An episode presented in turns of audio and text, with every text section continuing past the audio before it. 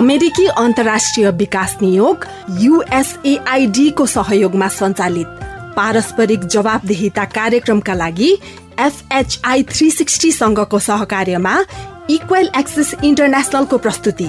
साझा बोली रेडियो बहस।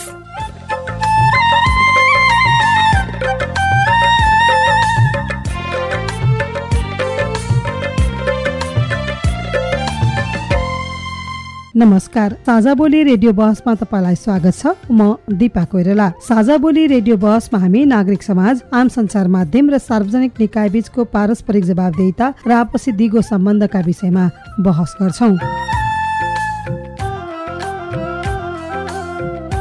पारस्परिक जवाबदेहिताका क्षेत्रीय सवाल र परिवेश समेटेर तयार पारिएको साझा बोली रेडियो बहसको यो स्थानीय संस्करण हो। आजको साझा बोली रेडियो बहस रेडियो भेरी एफएम अन्ठानब्बे थोप्लो छ एक सय दुई थोप्लो सात मेघाजले उत्पादन गरेको हो। र यो कार्यक्रम तपाईँ दाङको स्वर्गद्वारी एफएमबाट पनि सुन्न सक्नुहुन्छ।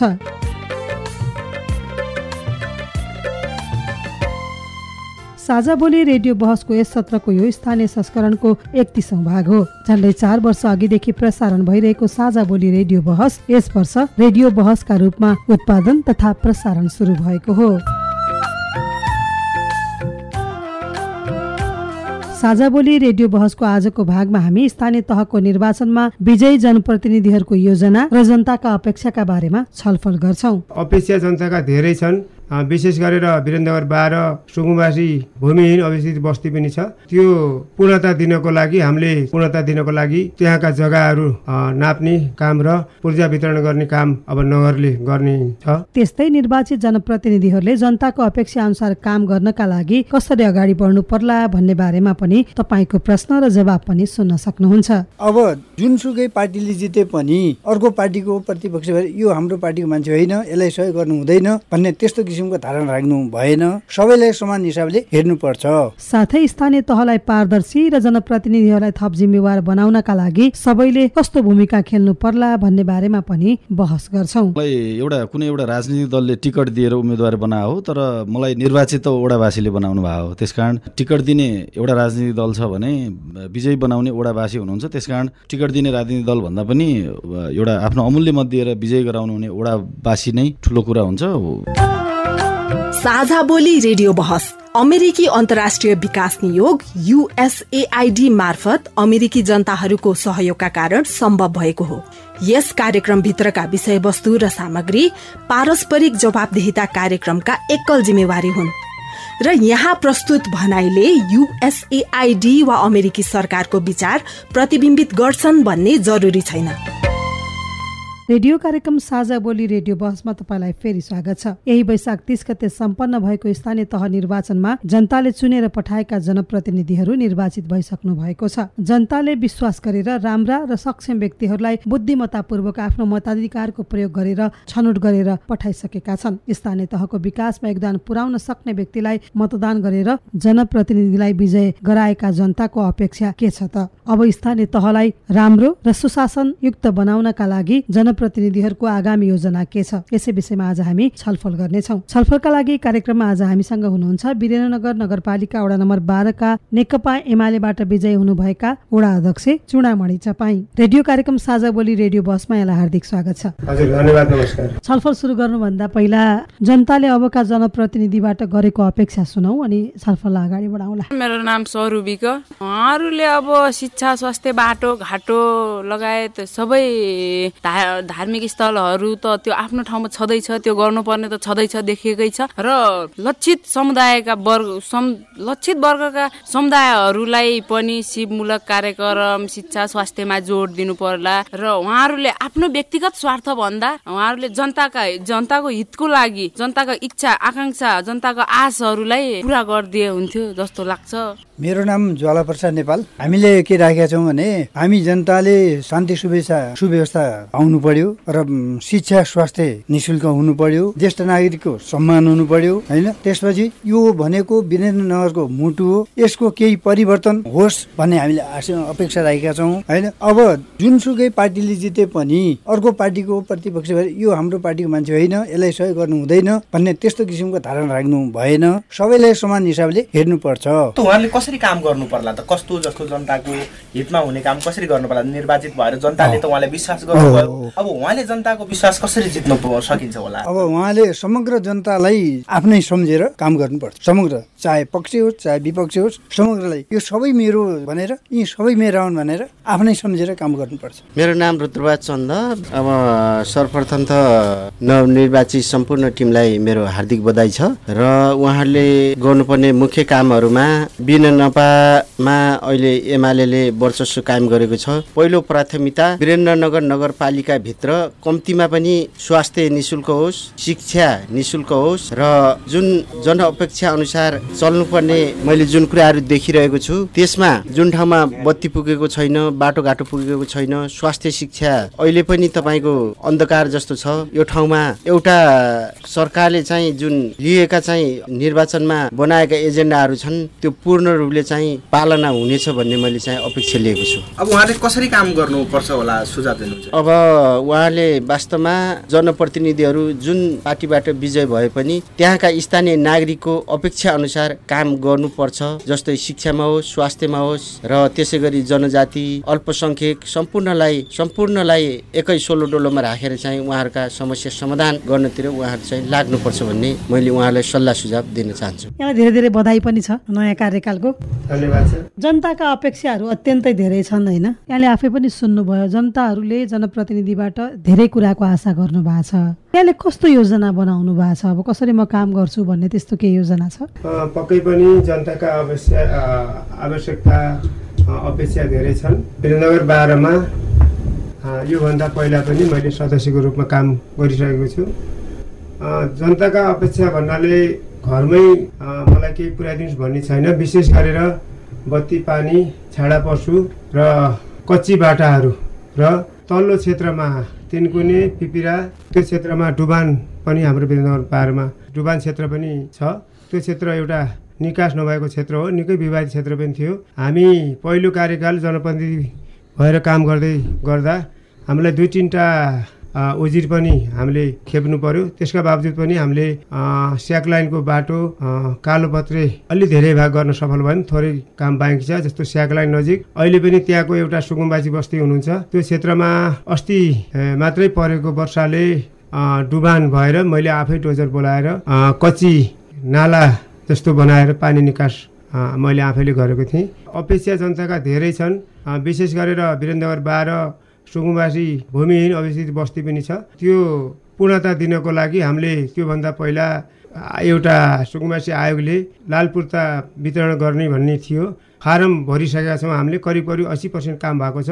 अब हामीले त्यसलाई पूर्णता दिनको लागि त्यहाँका जग्गाहरू नाप्ने काम र पूर्जा वितरण गर्ने काम अब नगरले गर्ने छ। यहाँ पहिला सदस्य भएर काम गरिरहेको भएर पनि पहिलाका अधुरा कामहरू पुरा गर्नुपर्छ भन्ने एउटा यहाँलाई लागिरहेछ त्यो भएपछि। हजुर पक्कै पनि वीरेन्द्रनगर बाह्रमा पच्चिसवटा टोल छब्बिस टोल छ अझ पच्चिसभन्दा पनि। प्रत्येक टोलमा हामी नपुगेको त होइनौँ। हामीले विशेष गरेर पूर्वाधारका कामहरूमा नाला निर्माण करिब करिब पचहत्तर पर्सेन्ट गरेका छौँ। अब हामीले यो पाँच वर्षे कालोपत्रे अभियान वर्ष गराउनेछौँ कर्णाली प्रदेशकै राजधानी भएको नाताले त्यहाँ प्रत्येक वर्ष जग्गा प्लान हुन्छन् र नयाँ बाटाहरू बनाउँदा फेरि पनि बाटाहरू बढेका बढे गर्ने र प्लानका बाटाहरूलाई पनि हामीले पूर्ण रूपले काम गर्न सकिरहेको अवस्था छैन र नयाँ बाटा भएका ठाउँमा पनि त्यहाँको घनु बस्ती भएको हुनाले त्यहाँ पनि हामीले निकास दिनुपर्ने भएको हुनाले भने जसरी हामीले योभन्दा पहिला गर्न सकेनौँ। आगामी दिनमा विशेष गरेर पूर्वाधारतर्फकै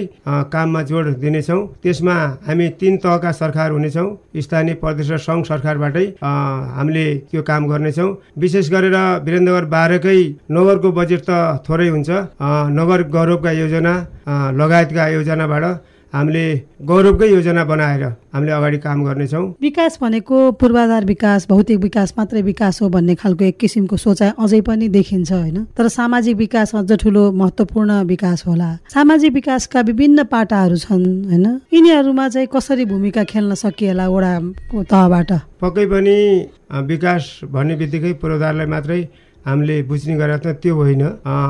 विशेष गरेर जनजाति दलित महिला ज्येष्ठ सदस्य खेलकुद त्यसपछि सिपमूलक तालिमहरूमा पनि हाम्रो बजेट हुन्छ। साठी चालिसको बजेट हुन्छ लक्षित वर्गको पैसा हुन्छ। त्यसमा त्यहाँभित्र पर्ने निकै धेरै शिक्षकहरू हुन्छ। त्यसमा हामी हिजो पनि हामीले काम गरेका छौँ। जस्तो कसैले सिपमूलक काम गर्नुहुन्छ भने संयुक्त रूपमा अथवा समूह रूपमा हामीले उहाँहरूलाई त्यो पेसामा अघि बढाएका थियौँ। अहिले पनि हामीले त्यो बजेटलाई विशेष गरेर चुहावट हुन नदिने गरी हामी लाग्नेछौँ। स्वास्थ्य शिक्षा बालबालिका सबै कुरामा हाम्रो ध्यान पुग्नेछ र त्यसमा हामी पूर्वाधारतर्फ मात्रै नभएर यता लक्षित वर्गका पैसाहरूमा पनि अथवा बजेटहरूमा पनि हाम्रो ध्यान पुग्नेछ र सकेसम्म समानुपातिक हिसाबले सबैलाई बराबर बराबर रूपमा एउटा पहुँचमा पुर्याउनेछौँ।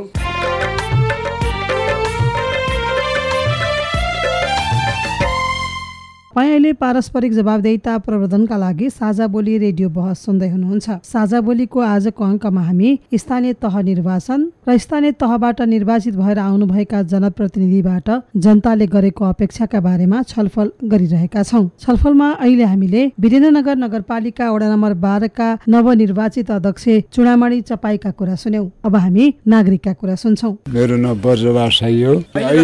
जनप्रतिनिधि आउनु भएको छ स्थानीय तहमा। उहाँहरूबाट के कस्तो खालको अपेक्षा राख्नु भएको छ? के कस्तो विकास निर्माण मैले अपेक्षित चुनावमा पार्टी प्रतिनिधि भइसकेपछि आउने कुरा त भयो। पुरानो कन्सेप्टबाट आएको देख्छु मै नयाँ परिवर्तन चाहिन्छ। पार्टी जे भए पनि नेपाली जनता नयाँ परिवर्तन खोजेका छन् यिनको परिवर्तन भन्ने केही छँदै छैन। जब चुनाव आयो महँगीले च- चुल्ल्याए यिनीहरू जनप्रतिनिधिका माथिका लिडरहरूले र जनताको ढाड काम अझ अहिले भर्खरै दस पर्सेन्ट यातायात भाडा बढाए। जनतागण कसरी सुविधा दिनुपर्छ भन्ने कुरालाई ध्यान राख्नुभन्दा जनतागण कसरी फसाउने भन्ने देखिन्छ। अब कसरी काम गर्नु पर्यो अब जाँदाखेरि वास्तविक यहाँ के हो पहिचान गर्नु पर्यो? यहाँको जुन ठाउँमा आफू बसिया छ जुन ठाउँमा आफू प्रतिनिधि भइया छ त्यहाँको पहिचान के हो पहिला त्यहाँका जनतालाई रोजगारीको विकास निर्माणका उत्पादनका कुरालाई कसरी त्यसको पहिचान गर्न सकिन्छ र त्यसलाई सुझाव सल्लाहका साथ जनताका हिजो आज चुनावमा जाँदाखेरि बोलेका बाचा पुरा गर्नुपर्छ। आज बोल्ने कुरा भोलि त्यही बाचाले उसको त्यो प्रतिनिधिको विरुद्धमा आउँछ त्यो। अहिले यिनी दलका कारणले स्वतन्त्र जहाँ जति छन् स्वतन्त्र बढी भयो। अबको पाँच वर्षपछि पार्टी कम्युनी स्वतन्त्र बढी हुने। यिनी पार्टी दलहरूको कारणले हो। स्वतन्त्र पैदा भएको। स्वतन्त्र खोजेका छन् जनताले। सबैलाई स्वतन्त्र चाहिन्छ जीवन। जीवन स्वतन्त्र खोज्ने जनतालाई अन्त कोठरा अ, हालिराख्ने कुरा यो राज्यको त्यति गतिलो पारो होइन भन्ने लाग्छ नयाँ चिज पार्टीसँगको सरकार भएन हाम्रो परिवर्तनसितको सरकारको कुरा सुन्ने। पार्टी जे पनि हुन्, त्यो कोही रहन भएन भयो त्यो फरक परेन। तर अहिलेको विज्ञानसँग जोडिएर अगाडि उत्पादन लैजाने कुरा नै प्रमुख विषय छ यो। मेरो रघुनाथ योगी। आशा अपेक्षा त भन्नलाई त हजुरको के हो भन्नुहुन्छ भने अब पार्टी अलग अलग भन्न लागे यिनीहरूले कहिले गठबन्धन गरे कहिले के गरे होइन? अब हारा जित्यो कुरा ल्याए यिनीहरूले। अब हामीले चाहिँ जनताले सोचेको त स्वतन्त्रै नै हो। राष्ट्रिय प्रजातन्त्र पार्टी भनेर हामीले नि काम गरेकै नै हो होइन?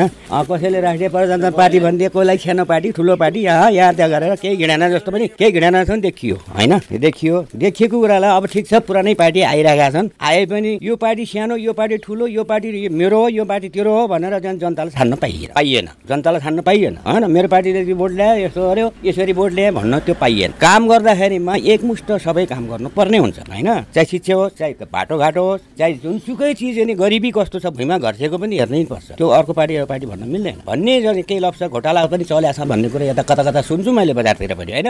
घोटाला चलोस् नचलोस् चल्या थियो उस बेला चल्या थियो अहिले चलाउनु पनि मिल्दैन हो? उहाँले कस्तरी काम गर्नु पर्यो जनतालाई कसरी अँ जनतालाई त तिनीहरूले एकमुष्ट मैले भनिहालेँ नि भुइँमा घर्सिनेलाई पनि एकमुष्टि नै काम गर्नु पर्यो। यो पार्टी ऊ पार्टी भन्न मिलेन। यो धनी हो यो गरिब हो भन्न मिल्दैन। किन बसोबासोलाई पनि गरिदिनु पर्यो? बाटोघाटो चाहिँ गरिदिनु पर्यो? पहिला कुरो। पहिला कुरो त्यो नभएर अर्को कुरा हुनेवाला छैन यहाँ है? यस्तै बोर पारेर मान्छेहरूले चाहिँ नि ढाँटेर काम पनि गरेका छन्। अब हिजो पनि भाषणै गरे त्यहाँ उही पुरानै भाषण गरे नयाँ भाषण त केही पनि आएन। परिवर्तन आए त कहाँबाट चाहिँ नि उनीहरूले भन्नु त भन्न त होइन। त्यसो भएको हुनाले ढाँटी ढाँटेर यस चाहिँ नि बिग्रिएकै नै हो। भ्रष्टाचार भएकै नै हो। भ्रष्टाचार नलागेर यो यो विकासमा लाग्ने छैन नि पहिला भ्रष्टाचार निमन्त्रण गरेपछि मात्रै यिनी विकासमा लाग्ने हो होइन?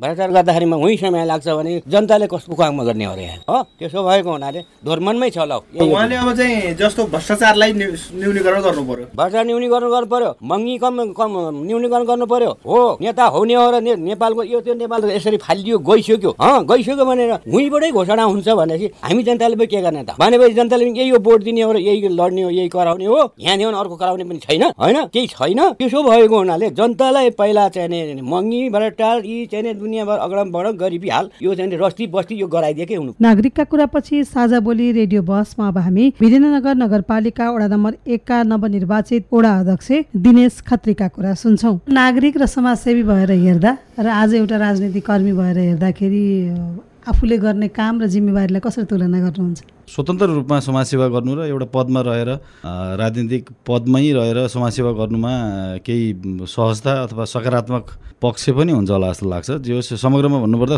अझ बढी सजिलो हुन्छ होला जस्तो लाग्छ। कतिपय अवस्थामा हिजोको भन्दा अलिकति बाँधिनु पर्ने एउटा दायराभित्र बस्नुपर्ने अवस्था पनि हुन्छ कि? हो एकदम एकदम पदीय दायित्वको हिसाबमा पनि अलिकति दायराभित्र रहन पर्ने अवस्था पनि होला। अलि धेरै कुरा सोच्न पर्ने विचार गर्नुपर्ने कुरा पनि होला। अनि अर्को कुरा एउटा उम्मेदवार त एउटा कुनै एउटा राजनीतिक दलबाट भइया छ। त्यस कारण पनि त्यसले पनि अलिअलि केही प्रभाव पार्न खोज्छ होला जस्तो लाग्छ। तर त्यति धेरै प्रभाव ती कुराहरूले पार्लान जस्तो पनि लाग्दैन काम गर्दैन जस्तो उम्मेदवार हुँदा एउटा पार्टीको भए पनि उम्मेदवारबाट विजयी भइसकेपछि समग्र जनताको म उम्मेदवार अथवा वडा अध्यक्ष हुँ भन्ने हिसाबले बुझ्न सकियो भने फेरि काम गर्न सजिलो हुन्छ।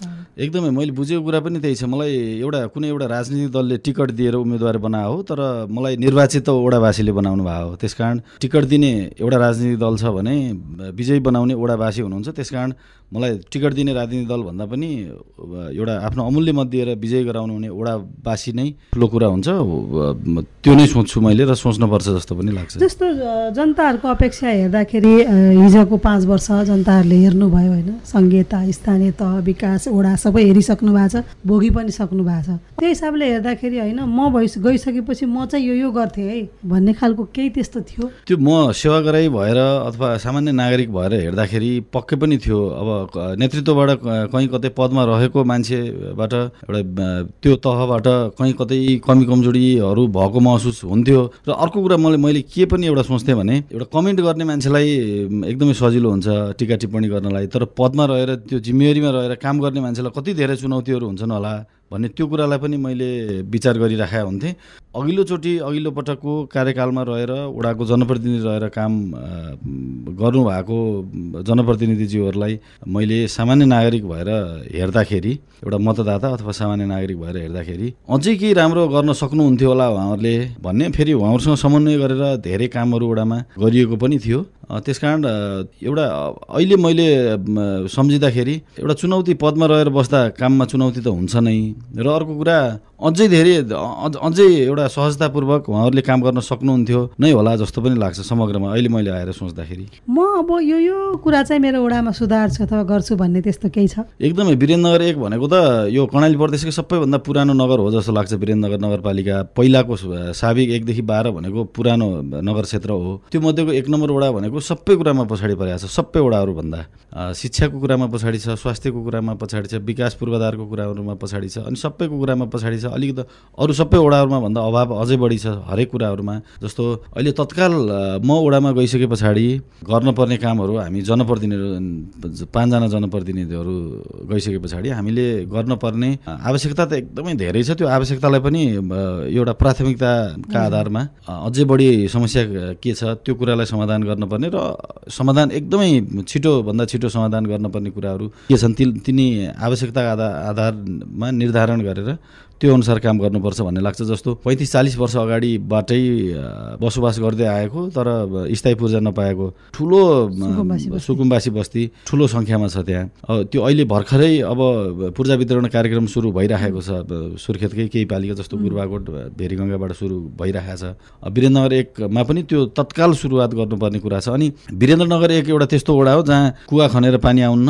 अनि अब यो अहिले त झुप्रा खाने पानीमा पनि एकदमै हो लोड सेडिङ छ त्यसमा पनि तिन दिन चार दिन पाँच दिन त्यो पनि कहिले राति बाह्र बजी आइदिन्छ कहिले कति त्यो आइदिने समयमा पनि यति बेला आइदिन्छ है यति दिन पछाडि भन्ने छैन। त्यो कुराले एकदमै समस्या छ। यो अनि अर्को एउटा अहिले पछिल्लो समय बोरिङ दुई चारवटा बोरिङ ओडा मार्फत अथवा यो झुप्रा खानेपानीबाट नगरपालिकाबाट खनिएका छन्। ती बोरिङबाट पनि यो खानेपानीको समस्या समाधान नहुँदो रहेछ जस्तो लाग्यो। जस्तो सामान्य हावाहुरी पानी चलिदियो भने बत्तीको आपूर्ति बन्द हुन्छ वीरेन्द्रनगरमा। अनि बत्ती आए पनि कहिलेकाहीँ राम्रो पावर आइदिन्न। त्यति बेला बोरिङभित्र भएको पानी हामीले बाहिर निकालेर? प्रयोग गर्न असम्भव छ। त्यस कारण र अर्को कुरा जमिनभित्र त्यसरी निकालिएको पानी दीर्घकालीन रूपमा होइन कि भन्ने पनि लाग्छ मलाई। त्यस कारण अब खानेपानीको समस्या समाधानका लागि उत्तरी जलाधार क्षेत्र अन्तर्गतमा रहेका दुईवटा सामुदायिक वनहरू छन् हाम्रो वीरेन्द्र एकमा श्रीकृष्ण सामुदायिक वन र त्रिपुरेश्वर सामुदायिक वन। ती वन क्षेत्रमा भएका पानीका मुहानहरू जो अहिले संरक्षणको अभावमा त्यत्तिकै वनमै छरिएर बसेका छन् ती त्यस्ता सम्पूर्ण मुहानहरूलाई एकत्रित गरेर कलेक्सन संरक्षण गरेर। एक ठाउँमा पानी जम्मा गरेर चौबिस घन्टा जम्मा गरेको पानी बिहान दुई घन्टा बेलुका दुई घन्टा चार घन्टा मात्रै छोड्न त राम्रैसँग सकिन्छ होला जस्तो लाग्छ। अब अलिकति मेहनत दुःख अलिकति दुरीका हिसाबमा पनि टाढा बाटो छैन त्यो वन जङ्गलको क्षेत्रमा पाइपका सुरक्षाहरू ती चुनौतीहरू पनि छन् नै। तर ती बोरिङभन्दा अझ बढी प्राथमिकता त्यसलाई दिनुपर्छ कि स्थानीय मुहानहरूलाई। भन्ने त्यो खानेपानीको समस्याका लागि त्यो काम गर्नुपर्छ जस्तो लाग्छ। अनि शिक्षामा पनि चारवटा सामुदायिक विद्यालयहरू छन् वीरेन्द्रनगर एकमा।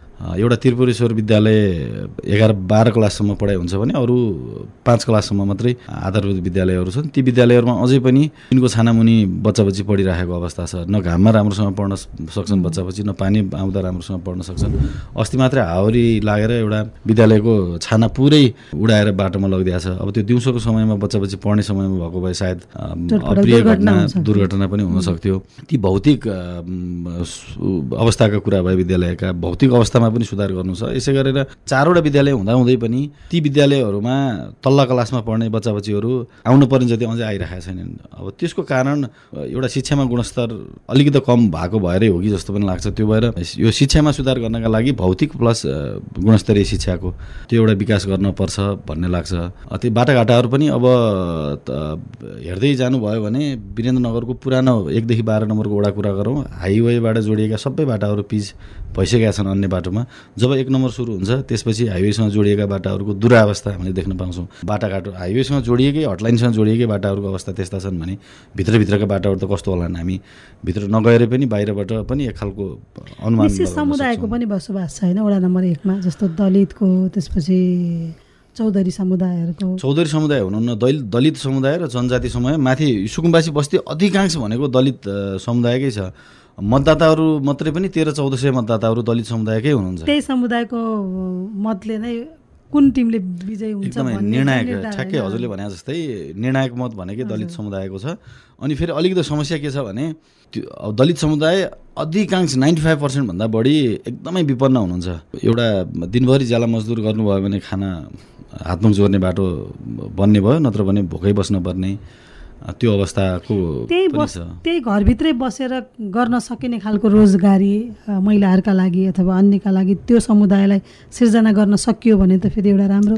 एकदमै त्यो रोजगारीका कुराहरू पनि कस्तो छन् भने जस्तो एउटा डम्पिङ साइट पनि छ त्यहाँ ल्यान्डफिल साइट फोहोर फाल्ने ठाउँहरू। त्यो फोहोर फाल्ने ठाउँहरूमा पनि त्यो फोहोरबाट एउटा रियुज गरेर केही जस्तै मलका कुराहरू होला नि प्लास्टिक जन्ने चिजहरूबाट त्यो एउटा अरू केही बनाउन मिल्ने त्यस्तो रहेछ भने सम्भव हुँदो रहेछ भने त्यतातिर पनि सोच्नुपर्छ भन्ने लागेको छ। त्यो ल्यान्डफिल साइडमा पनि केही रोजगार केही व्यक्तिहरूका लागि रोजगारी सिर्जना हुनसक्छ कि भन्ने लागेको छ। एउटा मैले तत्काल देखेको यो गाडीहरूले फोहोर फाल्ने गाडीहरूले त्योमा जस्तै कबाड फलामका टुक्राहरू प्लास्टिकका टुक्राहरू जो यो-। यो कबाडीहरूले कलेक्सन गरे हुन्छ नि ती सामानहरू पनि गएको हुन्छन् त्यसमा। ती सामानहरू फेरि त्यो सँगसँगै कबाडीहरू पनि पछि पछि गइरहेको हुन्छन् त्यो टिपटाप पार्न ल्याउन।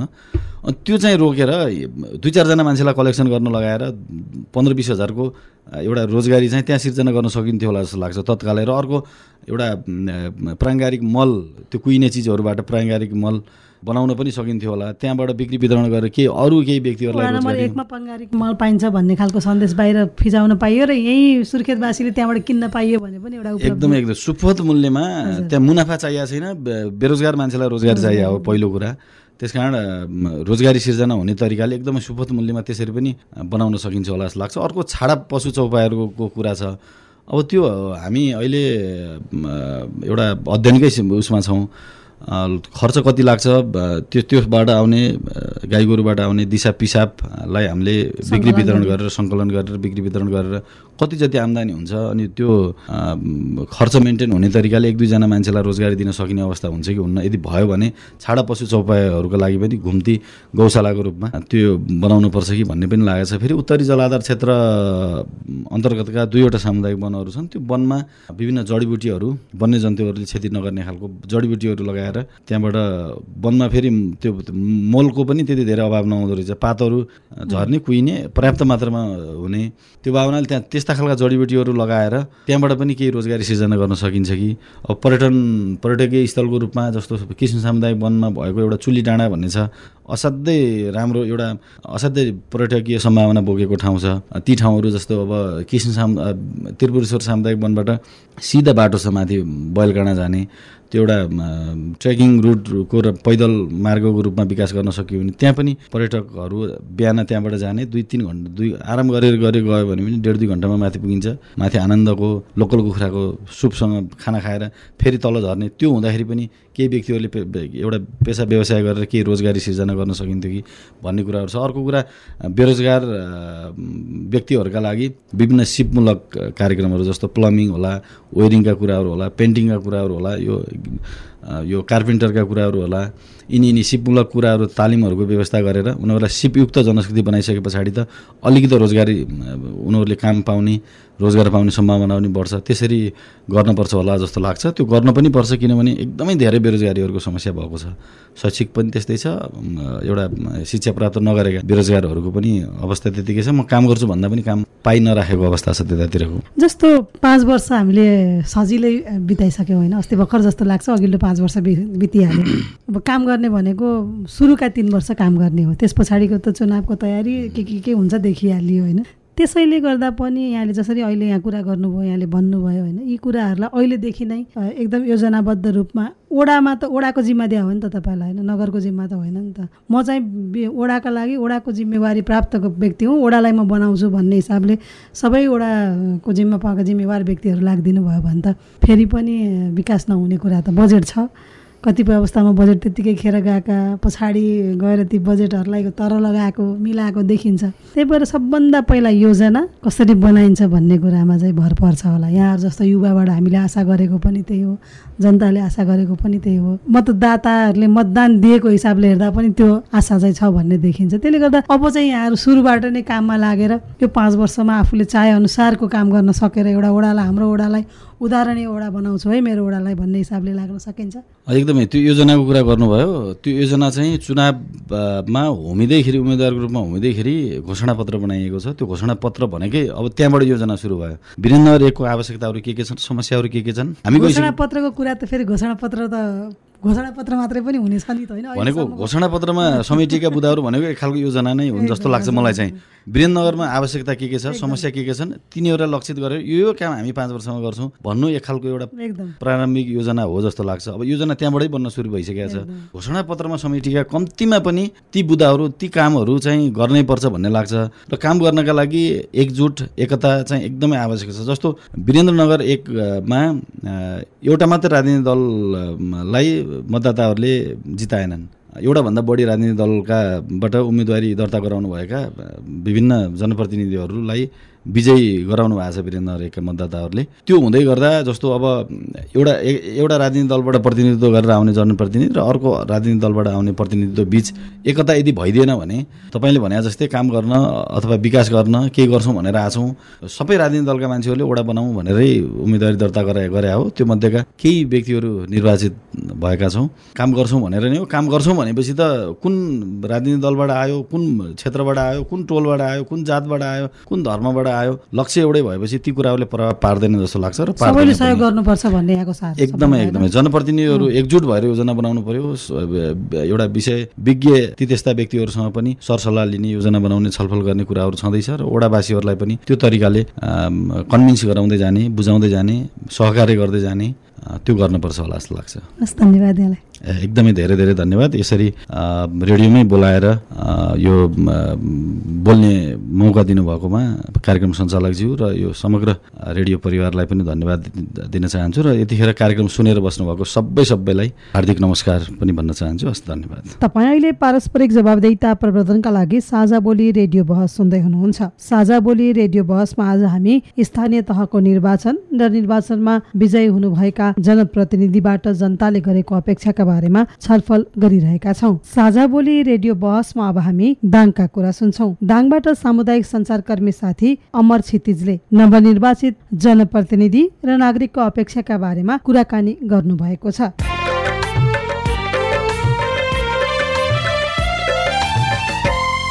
कार्यक्रम रेडियो साझा भोलिको यो बहसमा आज हामी कुराकानी गर्न गइराखेका छौँ।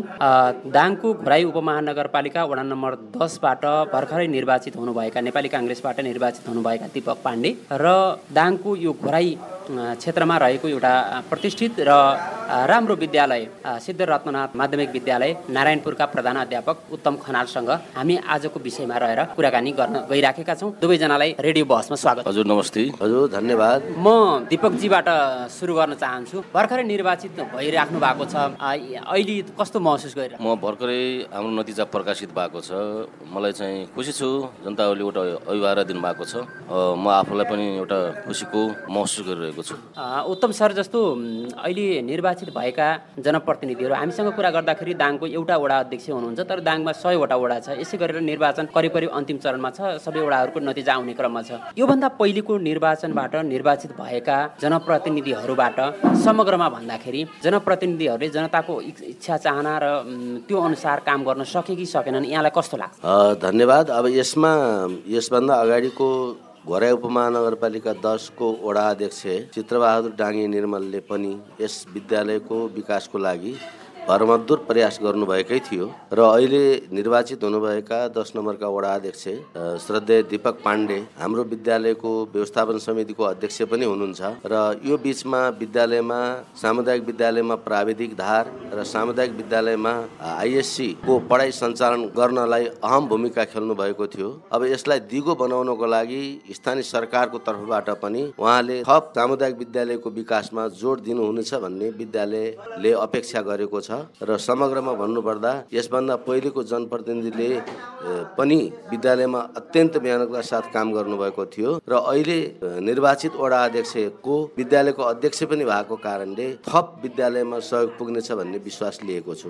जस्तो यो यहाँको कुरा भयो होइन यो क्षेत्रको कुरा भयो समग्रमा हेर्दाखेरि जनप्रतिनिधिहरू जुन एउटा लामो समयपछि रिक्ततापछि दुई हजार चौहत्तरको जन्म नि- स्थानीय तहको निर्वाचन पछाडि जनप्रतिनिधि आउनुभएको थियो त्यो निर्वाचनबाट आएका जनप्रतिनिधिहरूले जनताको इच्छा चाहना अनुसार काम गरेको पाउनु भयो कि भएन यहाँले यहाँले समग्र दाङको अवस्थालाई हेर्दा? अब समग्र दाङको अवस्थामा हेर्दा जति पनि जनप्रतिनिधिहरूले शिक्षामा जोड दिनु पर्थ्यो त्यो शिक्षामा गएको अवस्थामा प्रयास गर्दा गर्दै पनि एउटा योजनाबद्ध ढङ्गले शिक्षाको विकासमा जोड दिएको पाइएन र आशा छ अब चाहिँ निर्वाचित हुनुभएका जनप्रतिनिधिहरूले दाङ जिल्लाको समग्र शैक्षिक विकास र भौतिक विकासको लागि योजनाबद्ध तरिकाले आफूसँग भएको पुँजीको आधारमा वितरण गरी त्यसलाई थप टेवा दिनुहुनेछ भन्ने विश्वास लिएको छु। म दिपकजीतिर आउन चाहन्छु। जस्तो अब हिजोका दिनसम्म तपाईँ एउटा सामान्य खालको नागरिक र एउटा मतदाता मात्रै हुनुहुन्थ्यो। अहिले आएर तपाईँ जनताबाट निर्वाचित हुनुभएको छ। अब तपाईँले कस्ता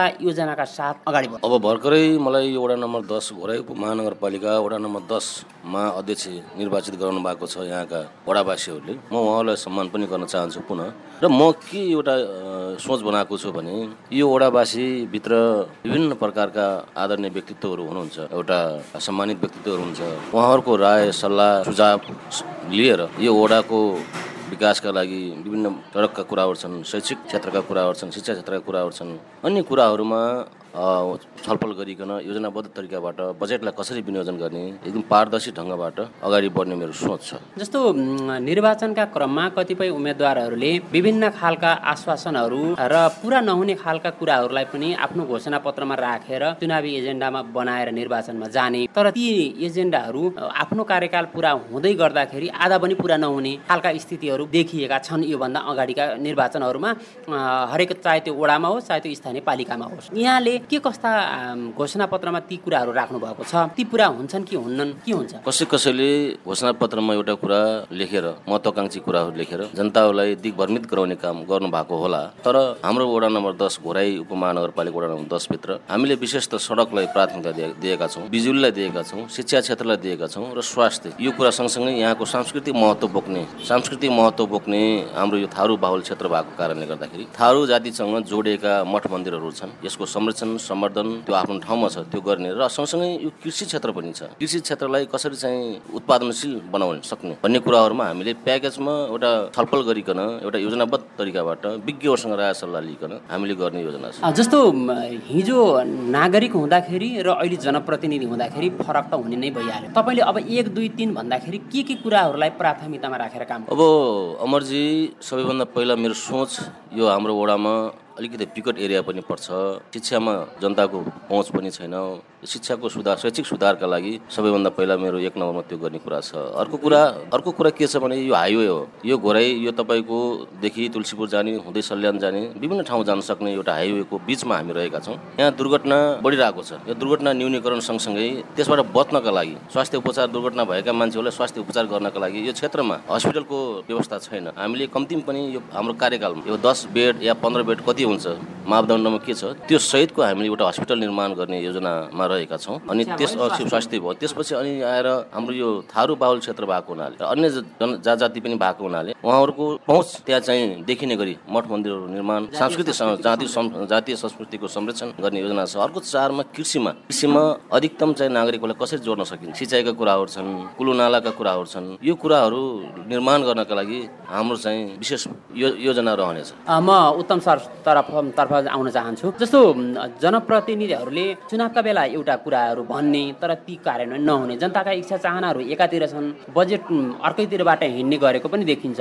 जनप्रतिनिधिहरूले कुन कुरालाई प्राथमिकतामा राखेर समग्रमा चाहिँ काम गर्नुपर्छ जस्तो लाग्छ यहाँलाई? अब सबभन्दा पहिले जनप्रतिनिधिहरूलाई म के सुझाव दिन चाहन्छु भने योजना बिनाको कुनै पनि काम अधुरो हुन्छ र योजना बनाउँदाखेरि महत्वाकांक्षी योजना भन्दा आफूसँग भएको बजेटको आधारमा योजना बनाउनु पर्छ र ती योजनाहरूलाई प्राथमिकीकरण गरेर सबभन्दा पहिले कुन आवश्यकता हो। आवश्यकताको पहिचान गरेर त्यो आवश्यकता अनुरूपको योजनालाई कार्यान्वयन गर्दै गयो भनेपछि त्यो विकास एउटा दिगो विकास पनि हुन्छ र त्यो भविष्यमा चाहिँ एउटा चाहिँ सम्पन्न पनि हुने सक्छ। अन्यथा जनप्रतिनिधिहरूले अनावश्यक खालका अथवा चाहिँ धेरै महत्वाकांक्षी योजनाहरू ल्याउने र पुँजीको अभाव हुन गयो भने त्यो चाहिँ अधुरो हुन जान्छ। त्यसैले आफ्नो पुँजीको आधारमा योजनाहरू बनाएर कार्यान्वयन गर्दै गइयो भने त्यो चाहिँ समयमै सम्पन्न पनि हुन्छ र त्यसबाट जनताले लाभ पनि लिन सक्छ। हामी कार्यक्रमको अन्तिम अन्तिम चरणमा आएका छौँ र दिपकजीतिर म जान चाहन्छु। अहिले जनप्रतिनिधिहरू छानिँदै गर्दाखेरि ठुलो इच्छा चाहना र उत्सुकताका साथ आशा भरोसाका साथ जनताहरूले जननिर् जनप्रतिनिधिहरू निर्वाचित गर्ने तर काम केही नहुँदाखेरि उहाँहरूमा निराशा छाउने पनि देखिन्छ। यस्तो अवस्थामा तपाईँलाई मत हालेका र समग्र यो घोराई उपमहानगरपालिकाको वडा नम्बर दसका मतदाताहरूलाई निराश नहुने वातावरण कसरी सिर्जना गर्नु? यो वडा नम्बर दसबाट भर्खरै मलाई निर्वाचित गराउनु भएको छ। तपाईँले भने जस्तै ठुलो आशा भरोसा विश्वासका साथ आफ्नो अभिमत दिएर हाम्रो टिमलाई विजय गराउनु भएको छ। मसँग एउटा बेग्लै प्रकारको योजना छ। हाम्रो बजेट प्राप्त बजेट वडामा प्राप्त बजेटलाई विनियोजन गर्नका लागि प्राथमिकतामा राखेर हामीले गर्नेछौँ। र अर्को कुरा सँगसँगै जनप्रतिनिधिसँग जनता भन्ने एउटा कार्यक्रम हामीले बनाउने सोच गरेका छौँ। हामी प्रत्येक टोलमा हाम्रो वडा नम्बर दसमा बाहन्नवटा टोल छ। यो बाहन्नवटा टोलमा उहाँहरूसँग बसेर साझा छलफल गरिकन उहाँहरूको योजनालाई प्राथमिकता राखेर अगाडि लैजाने हाम्रो योजना छ। त्यसकारण म के भन्न चाहन्छु भने अमरजी अहिलेको वडा नम्बर दसबाट जुन हाम्रो टिमलाई विजय गराउनु भएको छ यो टिम जनतासँग छ है जनताको साथमा छ है जनताको सामिप्यतामा रहेको छ है भन्ने बनाउने सक्ने योजना अनि भिजन हामीसँग छ। त्यो साथ हामी अगाडि जान्छौँ। जनता निराश हुने सम्भावनै रहँदैन। अन्तिममा उत्तम सरबाट म एउटा प्रश्नको उत्तर मागेर कार्यक्रमलाई अन्त्य गर्न चाहन्छु। जनप्रतिनिधिहरूले काम गरेनन् गरेनन् भनेर खालि आवाज उठ्ने गर्छ। तर ती जनप्रतिनिधिहरूलाई घचघचाउने काम नागरिक समाजको हो। तर त्यो घचघचाउने काममा अलिकति कमी भयो कि भन्ने देखिन्छ। त्यस्तो अवस्थामा नागरिकको तहबाट नागरिक समाजको तर्फबाट के कस्ता पहल हुनुपर्छ र तपाईँहरूले के गर्नुहुन्छ? धन्यवाद। अब यो नागरिक समाजको तर्फबाट भन्नुपर्दा घरे उपमहानगरपालिका वडा नम्बर दसको जो कार्य समिति छ त्यो कार्य समितिले योजनाहरूलाई कार्यान्वयन गर्ने निकायमा उहाँहरू हुनुहुन्छ। तथापि मैले नागरिक समाजको तर्फबाट भन्नुपर्दा वडा कार्य समितिलाई के अनुरोध गर्न चाहन्छु भने विभिन्न राजनीतिक दलमा आस्था राख्ने तर सक्रिय राजनीतिमा नभएका बौद्धिक व्यक्तित्वहरूलाई समेटेर एउटा सुझाव सहयोग समिति जस्तो गठन गरेर त्यसबाट आएका राय सल्लाह सुझावलाई ग्रहण गर्दै कति पुरा गर्न सकिन्छ ती योजनाहरूलाई कार्यान्वयनमा लग्न थालियो भने पक्कै पनि यो दस नम्बर वडा हाम्रो वडा राम्रो वडा बन्न जान्छ भन्ने मैले विश्वास लिएको छु। हस् समयको र विचारका लागि यहाँलाई धन्यवाद। धन्यवाद। समय र विचारका लागि दिपकजी धन्यवाद अमरजी धन्यवाद। नमस्कार म जितेन्द्र शाह। घोराई उपनगरपालिका आठको अहिले भर्खर निर्वाचित अध्यक्ष। अहिले तपाईँ भर्खरै निर्वाचित हुनुभएको छ। यो निर्वाचित भएसँगै अबको तपाईँको योजनाहरू ओडालाई के कसरी अगाडि बढाउनुहुन्छ? कुन कुन कुरालाई प्राथमिकतामा राखेर अगाडि बढाउनुहुन्छ? यस्तो छ अब अ, घोराई उपनगरपालिका आठमा योभन्दा पहिला कङ्ग्रेसले नेतृत्व गरेको थियो भने अहिले म नेकपा एमएलएबाट नेतृत्व गरेको छु। वास्तवमा पहिला खासै त्यस्तो विकास हुन नसकेकोमा अहिले चाहिँ मेरो घोषणापत्र घोराई नम्बर उर- अ, घोराई वडा नम्बर आठ आठ र घोषणापत्र र विगतमा म मावि डिपी स्कुलको विद्यालय व्यवस्थापन समितिको अध्यक्ष भएको कारणले एक कार्यकाल चुनावमा जितेको र दोस्रो कार्यकाल अभिभावकलाई मन पराएर दोस्रो कार्यकाल पनि दिएको हो। त्यस त्यही मेनले त्यही कारणले गर्दाखेरि वडा नम्बर आठ पनि जनताले चाहिँ विश्वास गरे। मेरा घोषणा पत्र धेरै पनि थिएन आठवटा आठवटा घोषणा पत्र थियो आठवटामा आठवटा मात्रै थियो भने पहिलो कुरा त एउटा एम्बुलेन्स थियो मलाई के लागेको थियो भने कोरोना भएको बेला मै पनि बिमारी हुनु बेला हामीले यो छिमेकी वडा नम्बर दसको एम्बुलेन्स पनि पाएनौँ र तुलसीपुरबाट एम्बुलेन्स ल्याउनु परेको थियो अवस्था थियो। त्यसलाई चाहिँ पहिलो कुरा स्वास्थ्यले थियो र दोस्रो कुरा के छ भने मैले चाहिँ शिक्षालाई दिएको छु। विद्यालयहरू सामुदायिक विद्यालयहरू तहस नहस भएको अवस्था छ। अब पहिला चाहिँ पहिला पचास पचास वर्ष द चालिस वर्ष तिस वर्ष पहिला चाहिँ पाँच बिघाको मालिक पनि एउटा सामुदायिक स्कुलमा पढ्थ्यो भने कति नहुने पनि पढ्थ्यो। अहिले चाहिँ छुट्टिएको छ अवस्था छ। साह्रै दर्द अवस्थामा छ स्कुलहरू। एकदम कमजोर छ। भवनहरू पुरै कमजोरहरू छन्। विद्यालयमा सबैभन्दा कुरा के हो भने आर्थिक अवस्था एकदम नाजुक भएका यो स्कुलमा जाने ल स्कुलका टिचरहरूले पनि तपाईँको होमवर्क गरिस् होमवर्क किन ल्याएनस् भन्ने तर कापी कलमको अवस्था दर्दनाक छ। विद्यालयका विद्यालयमा वडा अध्यक्षहरू कहिले पनि पाइला नटेको अवस्था छ। त्यो कारण शिक्षालाई दोस्रोमा राखेको छु। तेस्रो चाहिँ तपाईँको कृषि क्षेत्रमा एकदम कमजोर छ हाम्रो। देश कृषि भनेर एकदम एकदम बढी चिचाउने तर खालि खासै गरी कृषिमा चाहिँ कुनै पनि तपाईँको योजनाहरू नलिने तपाईँ योजनाहरू नलिने त्यस पछाडिबाट तपाईँको नगरपालिकाले बाँटेका ट्र्याक्टरहरू विभिन्न किसिमका कृषि सामग्रीहरू अलिकति अलिकति तल्लो वर्गलाई भन्दा अलिक माथिल्लो वर्गले चाहिँ हुने खानेले पाउने खालको यस्तो खालको व्यवहारले गर्दाखेरि पनि अब म अध्यक्ष भएपछि कमसे कम त्यो अलिक कमजोर वर्गलाई माथि उठाएर कृषिमा पनि अलिक लाभ लिनु सक्छु भन्ने लागेको छ स्वास्थ्य शिक्षा र कृषि तपाईँको मेन प्राथमिकतामा पर्यो। अहिले जस्तो नि तपाईँ योभन्दा अगाडि केही दिन पहिलेसम्म चाहिँ सामान्य एउटा मतदाता मात्रै हुनुहुन्थ्यो एउटा सामान्य नागरिक हुनुहुन्थ्यो। अहिले तपाईँलाई चाहिँ निकै मतदाताहरूले रुचाएर तपाईँ नर- नवनिर्वाचित हुनुभएको छ। एउटा सामान्य मतदाता हुँदाखेरि र अहिले जनप्रतिनिधि हुँदाखेरिको चाहिँ कस्तो खालको अनुभव हुँदो रहेछ? अब तपाईँ चाहिँ त्यसलाई कसरी मूल्याङ्कन यस्तो अब पहिला चाहिँ निकै अब यो सामान्य हुने बेला निकै उत्साहित थिएँ होइन? अब जब जब मैले हिजो मात्रै चुनाव जित्दाखेरि मलाई चाहिँ किन हाँसेनस् किन हाँसेनस् भन्थ्यो। वास्तवमा मलाई हिजो धेरै ठुलो कुरो आफूलाई चाहिँ बो जिम्मेवारी एकदम ठुलो जिम्मेवारी आएको र एकदम चिन्तित भयो अब यो जिम्मेवारीलाई कसरी हिजो बोल्ने बेला यो समाजमा बोल्ने बेला एक थरीको बढी पनि बोलियो कि जस्तो लागिरहेको थियो। त्यसलाई चाहिँ त्यो बढी बढाउलाई अझ जस त्यो समयलाई पनि अनि त्यो अलिक अलिक बढी दिनु पर्ने भएकाना त्यो बढी दिनु भएको भएकाले अलिक चिन्तित पनि छु। त्यो खालको गर्दाखेरि जिम्मेवारी बडो भएको छ। हिजो फरक तपाईँभन्दा फरक पार्टीले चाहिँ जितिराखेको थियो। त्यहाँ तपाईँ एकदम टेस्टेड हुनुहुन्छ युवा प्रतिनिधि हुनुहुन्छ। जनताले तपाईँमाथि थुप्रो आश र भरोसा पनि राखेको छन्। त्यो जनताको आश भरोसालाई विश्वासमा परिणत गर्न र त्यसलाई कार्यान्वयन गर्नका लागि तपाईँ कतिको सफल हुनु मलाई जहाँसम्म लाग्छ मैले आफै पनि भनेको छु। मैले यो पाँच वर्ष कार्यकालमा मेरो यो जो यो तपाईँको तलब भत्ता के के भन्छ? यसलाई चाहिँ पनि मैले स्कुल विद्यालयमा तपाईँको पाँचै वर्ष नखाने र पाँचै वर्ष चाहिँ कापी कलम र पुसमागमा पनि मलाई जहाँसम्म लाग्छ विद्यार्थीहरू चाहिँ एउटा सर्टमा आउने कारण केही केही विद्यार्थी धेरै त नभनौँ तिनीहरूलाई स्वेटर किनेर बाँड्ने यो खालको गर्दाखेरि भरोसा पनि छ विद्यार्थीहरूकोमा यताउति। सबै राम्रो छ होइन? त्यो कारणले गर्दा मलाई जिताउनेमा पनि तपाईँको अभिभावकको ठुलो भूमिका रहेको छ। विद्यालय विगत विद्यालय व्यवस्थापन अध्यक्ष भएको कारणले गर्दाखेरि यो मलाई लाग्छ यो टेस्टेडमा म पनि फेरि पनि पास हुन्छ जस्तो लाग्छ। जनताको सेवा गऱ्यो भने लगभग लगभग पास हुने सम्भावना बढी छ अन्त्यमा तपाईँलाई मतदान गर्ने र तपाईँप्रति शुभेच्छा प्रकट गर्ने मतदाता मतदाता आम मतदाताहरूलाई के? सबैलाई चाहिँ अब अब अब स अब वडा हो वडामा खासै ठुलो बजेट त हुँदैन तर प्रयत्न गर्छु म प्रदेश र केन्द्रमा पनि म अब धाउँछु होइन? त्यो भएको कारणले गर्दा अब सबैले विश्वास गर्नुभयो सबैलाई चाहिँ मेरो तर्फबाट व्यक्तिगत मतदाता निराश हुने वातावरण। म दिँदैन र सबैले र यो मतदा मतदान गरेर मलाई जिताउने सबै मतदातालाई धन्यवाद पनि दिन चाहन्छु। खास समय र विचारको लागि यहाँलाई धन्यवाद। धन्यवाद। हामी साझा बोली रेडियो बहसको अन्त्यमा आइपुगेका छौँ। पारस्परिक जवाबदेहिताबारे आफूले देखे सुने या भोगेका कुनै कुरा लेख मार्फत व्यक्त गर्न चाहनुहुन्छ वा अरूका लेखहरू पढ्न चाहनुहुन्छ भने W W W dot M E R O R E P O R T dot net पनि लगइन गर्न सक्नुहुन्छ। साझा बोली रेडियो बहस तपाईँले मेरो रिपोर्ट वेबसाइट पोस्टकार्ड च्यानल र सामाजिक सञ्जालहरूमा पनि सुन्न सक्नुहुन्छ।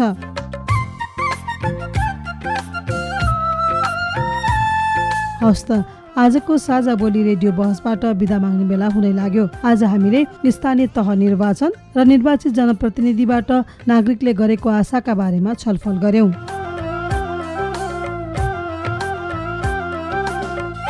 यतिन्जेल ध्यान दिएर कार्यक्रम सुन्नुभएकोमा तपाईँलाई धन्यवाद। आजको जस्तै समयमा सार्वजनिक जवाबदेहिताको अर्को विषयमा छलफल लिएर आउने नै छौँ। सुन्न नबिर्सनुहोला। आजको कार्यक्रमबाट म दिपा बिदा हुन्छु। नमस्कार।